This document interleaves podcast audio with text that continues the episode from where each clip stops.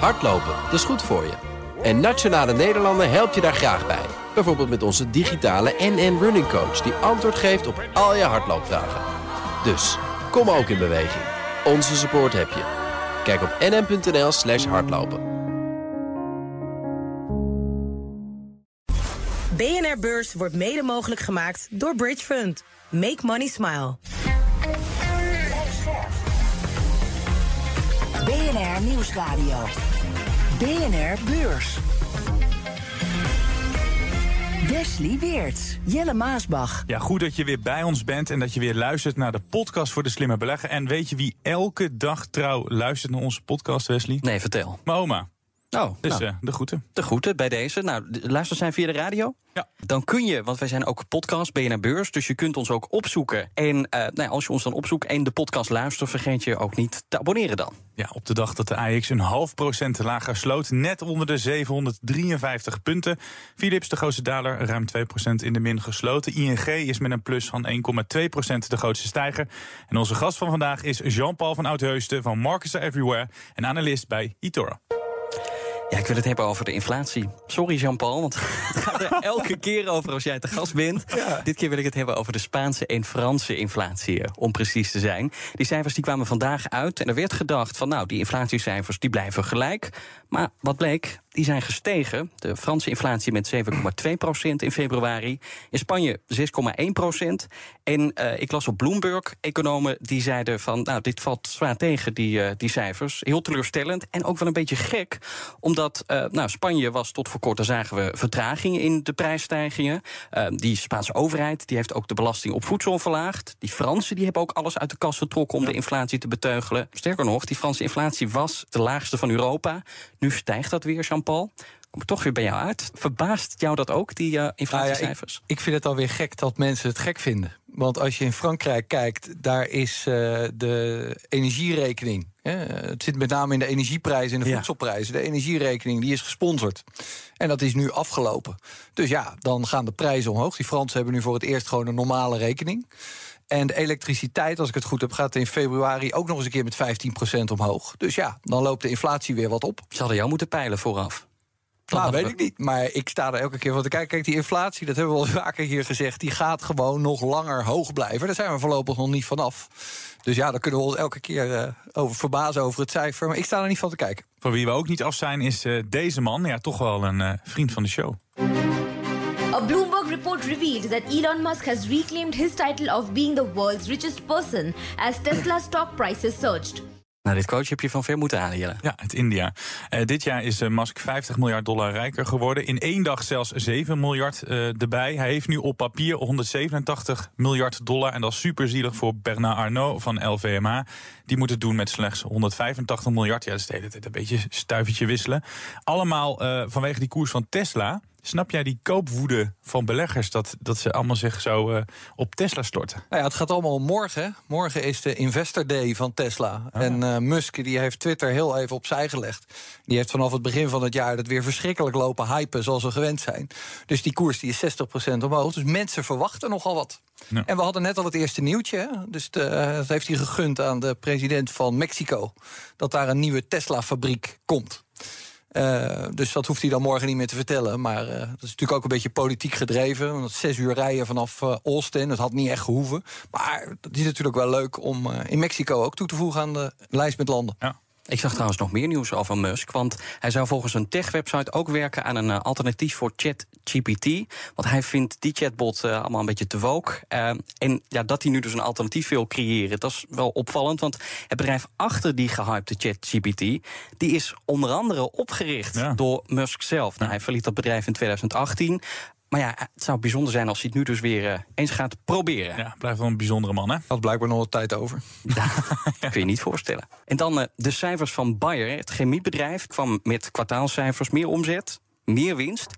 Maar de vooruitzichten die zijn kort gezegd eh, ondermaats. De winst voor dit jaar onder de verwachting van analisten. Winst per aandeel onder de verwachting. Kaststroom onder de verwachting. Teleurstellend dus. En ze kochten een paar jaar geleden natuurlijk ook Monsanto. Hè. Eigenlijk kochten ze een hoop uh, problemen, enorm veel rechtszaken, schadeclaims kregen ze erbij cadeau. Uh, maar is dat nog steeds een uh, blok aan het benen, Jean-Paul? Of is dat een beetje naar de achtergrond verdrongen inmiddels? Nee, helemaal niet. Het is ook nog niet afgerond. ze doen er wel alles aan om daar goede communicatie over te hebben. Dat al een behoorlijk deel van de claims wel is afgerond, maar lang nog niet allemaal. in de zomer, geloof ik, werd er nog een rechtszaak dat ze dachten van, nou weet je, dan wikkelen we dat ook even af. Maar dat ging niet door. Zo blijft er nog een beetje boven hangen. Dit is wel echt de slechtste overname ooit, zo'n beetje. als je het zo bekijkt. Dat weet ik niet, maar dit is als in ieder geval niet best als je ziet hoeveel ellende dat ze ermee hebben. En het blijft maar sleep. Ze wachten dit jaar ook 2 tot 3 miljard euro aan schikkingen nog te moeten betalen. Zo. Dat is echt fors. Shell dan had hele andere zorgen. Het had twee hoofdkantoren, één in ons land, één in het Verenigd Koninkrijk. En het twijfelde lang waar het zich op wilde richten. Nu blijkt dat er een derde land in beeld was, namelijk de Verenigde Staten. Volgens de Financial Times onderzocht Shell een vertrek uit Europa.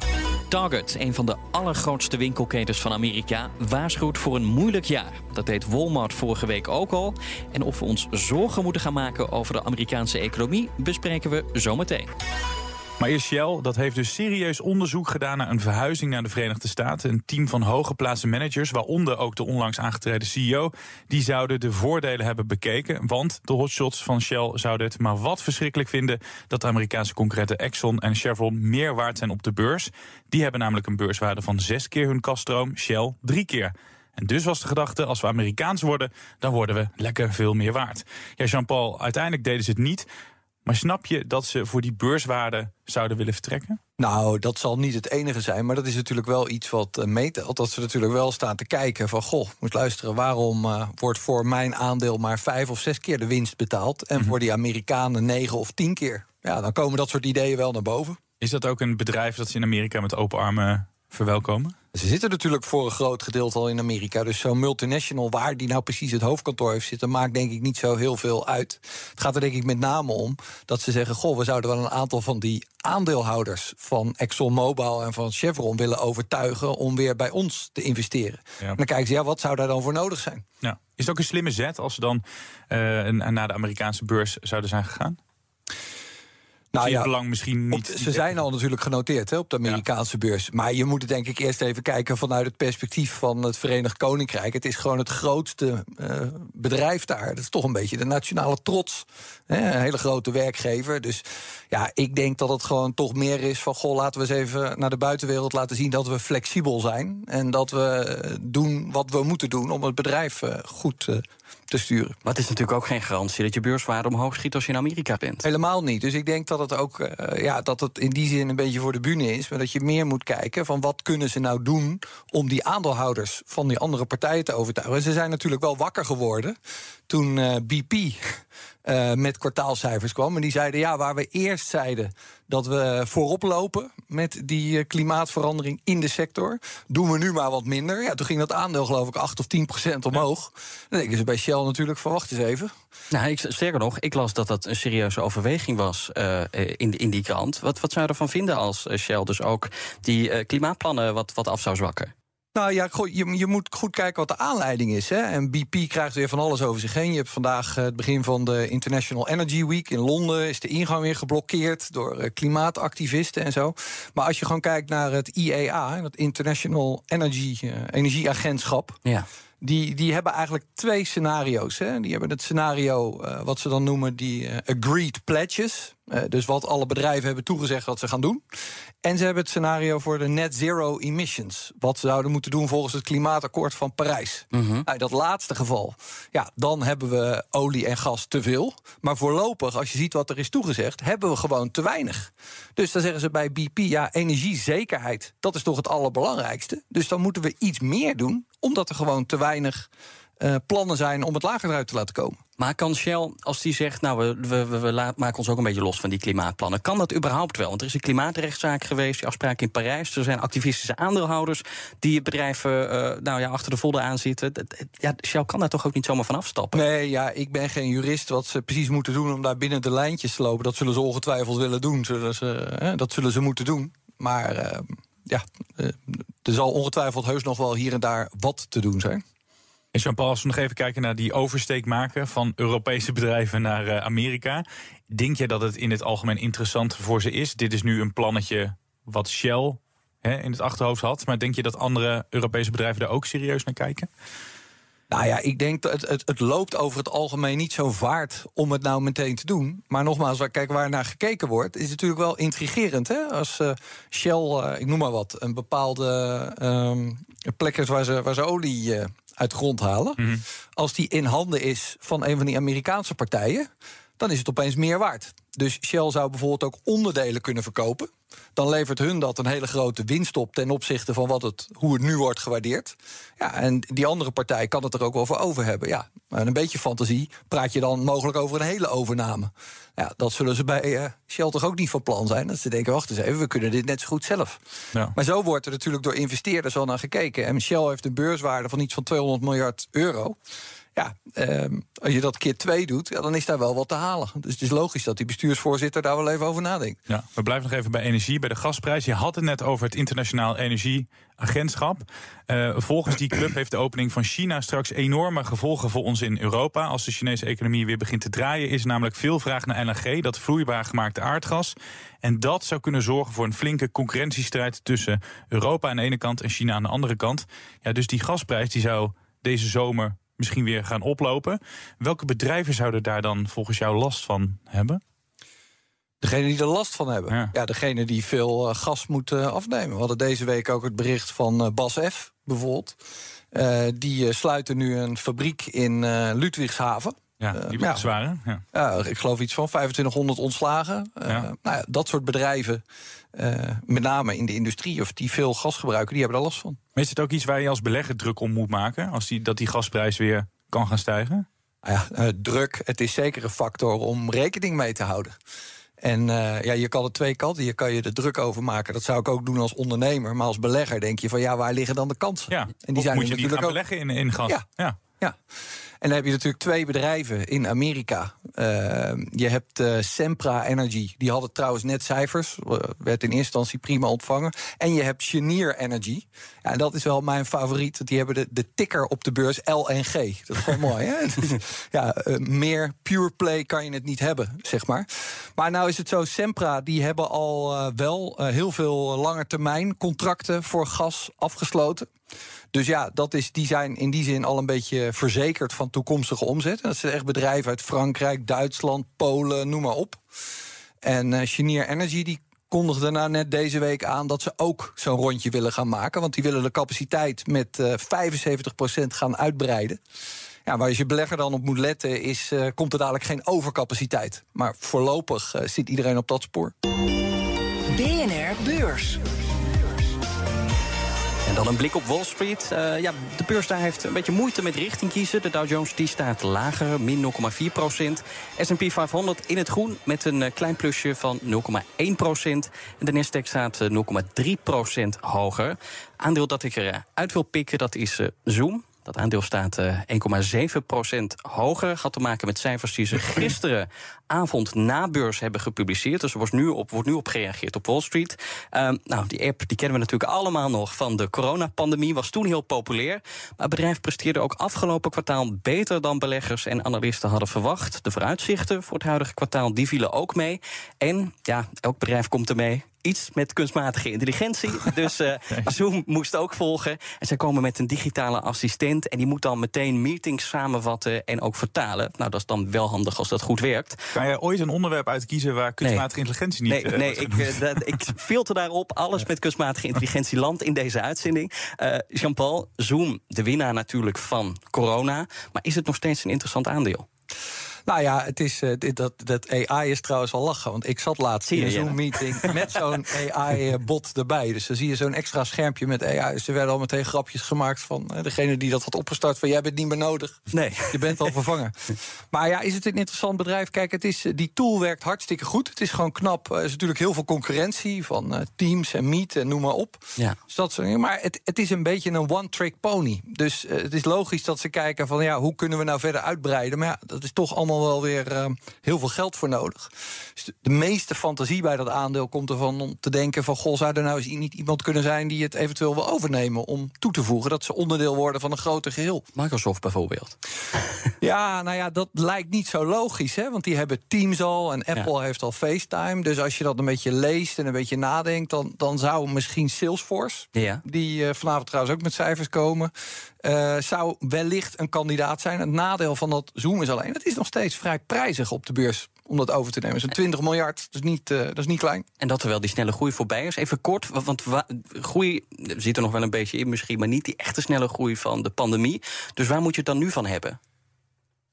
Nou ja, je- ja, je moet dus zoeken naar wat nieuws. Dus vandaar ook wat jij zegt, dat ze kijken met AI en dingen. Dat, dat, maar het, het, is, het is niet heel makkelijk om te zien wat je daar eh, verder nog naast kan bedenken. Als er dan ook nog één mag uitpikken. Tuurlijk. Verbaast mij. Chevron, eh, het oliebedrijf, gaat nu meer dan procent naar beneden. Dat is best wel gek. Ze zeiden eerder al, we gaan eigen aandelen opkopen.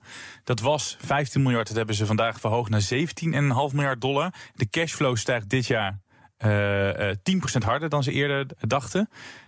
Gaat het aandeel naar beneden? Ja, je kan niet in de hoofden kijken van beleggers, maar is toch Nou ja, het is, eh, misschien eh, is dat flauw, maar het is een beetje de waan van de dag. Ik weet niet wat er verder nog eh, op dit moment, terwijl we hier staan te praten, op nog de beurs bij is gebeurt. gekomen. Ja. Dat kan ik zo niet beoordelen. Nee, ik dacht misschien zijn ze toch een beetje verwend geraakt. Dat ze, dat ze het nog niet genoeg vinden. Maar, Nog meer. ja. BNR Beurs. Dan naar een van de grootste spelers in het winkellandschap van de VS. Target reporting better than expected results for the fourth quarter. The retailer posting earnings of $1.89 a share. The street was only looking for $1.40 a share. Revenue beat too. It came in at $31.4 billion versus the $30.7 billion the street was expecting. You can see that stock up by about 3.4% right now. Target heeft voor het eerst in een jaar tijd de verwachting van analisten waargemaakt. Inmiddels staat het aandeel eh 2,3% hoger. Jean-Paul, Walmart ja, was vorige week natuurlijk al een goede graadmeter voor de economie. Daar komt Target nu bij. Ehm, dus wat zeg jij? Hoe staat die Amerikaanse economie ervoor? Nou, die eh, houdt eh, moedig stand. Eh, en dat komt met name omdat nog steeds heel veel mensen... je hoort wel wat berichten over ontslagen... maar eh, de arbeidsmarkt is nog steeds heel goed. En eh, mensen die eh, hun baan hebben, die kunnen ook nog geld uitgeven. Ze lijken allemaal wel wat voorzichtiger te worden. hè. Je ziet het hier en daar allemaal wel wat afnemen. Dat zagen we natuurlijk al bij de auto's en bij de pc's... en de wat duurdere dingen. Ja. Maar ja, allemaal van die spulletjes die bij eh, de Target liggen... die vinden blijkbaar nog goed aftrek. Nou ja, maar daar zeg je ook wel een verschuiving van minder niet-essentiële producten die verkocht werden naar meer eten en drinken, omdat mensen het gewoon niet kunnen betalen anders. Ja, klopt. En dat is eh, ook een beetje het nadeel van Target trouwens. Hè. Bij Walmart is het eh, gedeelte food eh, is, eh, veel groter. Ja. Bij Target niet zo. Dus daar hebben ze wel wat last van. Maar alles bij elkaar eh, viel het nog echt best wel mee. Ja, het viel mee, maar beter dan verwacht. Maar waren die verwachtingen ook niet gewoon best wel laag? Want ze hebben al een aantal keer eh, nou ja, de verwachting omlaag bijgesteld. Nu hadden ze weer gewaarschuwd. Let op, die feestdagen worden minder. Ja, dan is het ook niet zo moeilijk om die Nee, verwachtingen dat te klopt. En met wat we dit jaar nog kunnen verwachten, is het nou ook niet iets om eh, heel erg juichend over te doen. Kijk, Target was natuurlijk in de, in de, tijdens de pandemie echt een succesnummer. Omdat Ja. ze hun businessmodel toen heel goed op orde hebben. Maar nu ja, is het toch een beetje afwachten wat die consument gaat, gaat doen. Sterker nog, ze waarschuwen voor een aanhoudende neergang. Dat klinkt niet echt best. Nee, dat is natuurlijk ook wel fijn om de volgende keer weer beter uit te komen dan wat je zelf had gezegd. Zo werkt het natuurlijk ook een beetje. hè? Ja, nou is het zo. Ik had het net al over die, die, die, die niet-essentiële producten, eh, kleding, elektronica, dingen voor in huis. Ehm, ja, klanten kopen die minder. eh, eh, dat is al een aantal maanden zo, zeker na corona. Die voorraden, dat was een heel groot probleem. Want die, waren, die puilden uit, die voorraden. Hoe staat het dat daarmee? Lukt het dat opruimen een beetje? Nou ja, als ik de berichten lees, dan zijn ze daar nu voor het grootste gedeelte mee klaar. Want ze hadden, eh, voor de mensen die dat niet weten, maar ze hadden dus het model dat ze niet al die distributieketens hadden, maar ze deden de distributie vanuit hun eigen locaties. Ja. Dus ja, toen tijdens die pandemie wilde iedereen spullen hebben. Dat hebben ze er allemaal naar binnen gesjouwd. Maar ja, toen op een gegeven moment eh, hield het op, hielden ze al die voorraad over. Maar die CEO zei dat ze, geloof ik, iets van 90% inmiddels gewoon tegen lage prijzen de deur uit hadden gedaan. Om weer verder te kunnen. Ja, dat zag je ook wel een half jaar geleden. Toen kreeg het aandeel echt een enorme klap naar beneden. Ja, Ja, en het lijkt me schoon schip en nu weer verder. Ja, nu weer verder, maar uh, dat betekent met korting verkopen, marges die onder druk staan. Gaan die marges nu omhoog, nu die voorraden bijna allemaal weg zijn? Of is het nog niet zo'n feest? Nou ja, het, het, is en blijft retail. Uh, ik ken hun productassortiment niet goed genoeg, maar dat, blijft natuurlijk... Uh, ze zijn niet de enige die het doet. En iedereen wil daar natuurlijk nog zaken doen. Dus ja we hebben het hier ook gezien natuurlijk in Nederland. Die marges die bleven nog redelijk in stand. Maar dat zal wel de vraag zijn of dat dit jaar weer kan. Hoe kijk je naar het aandeel? Is dit een aandeel waarvan je zegt, nou, dat zou ik wel willen hebben?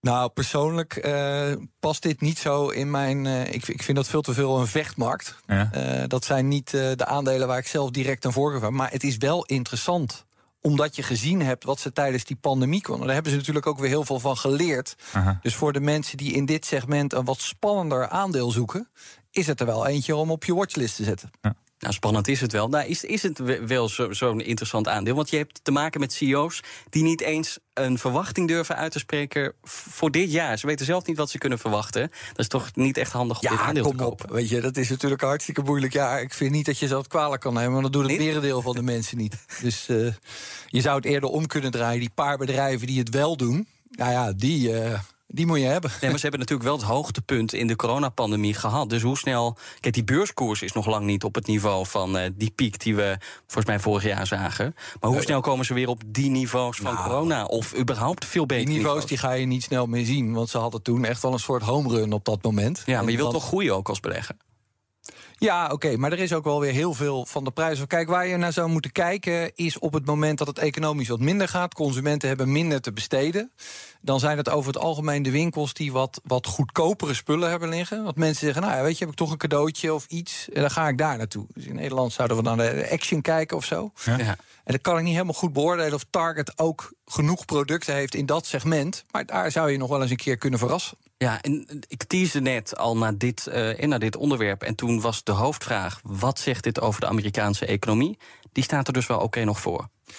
Nou ja, eh, het was een heel stuk slechter eh, verwacht volgens mij. Hè. Het gaat er natuurlijk elke keer om van, uh, wordt het nou een hard landing? Uh, nou, het lijkt op dit moment toch nog redelijk soft te worden. Maar we zijn er nog niet, hè. We zijn er nog niet. En dan ga ik kijken wat er morgen op de agenda staat. Op de eerste dag van de maand kunnen beleggers kouwen op een aantal cijfers over de grootste economieën van de wereld. Zo komen de cijfers over de werkloosheid in Duitsland en wordt duidelijk hoe het met de werkloosheid gesteld is bij de Oosterburen. En die cijfers zijn interessant. De Duitse economie hapert namelijk. Laatst bleek dat de economie in het vierde kwartaal harder was gekrompen dan eerder gedacht.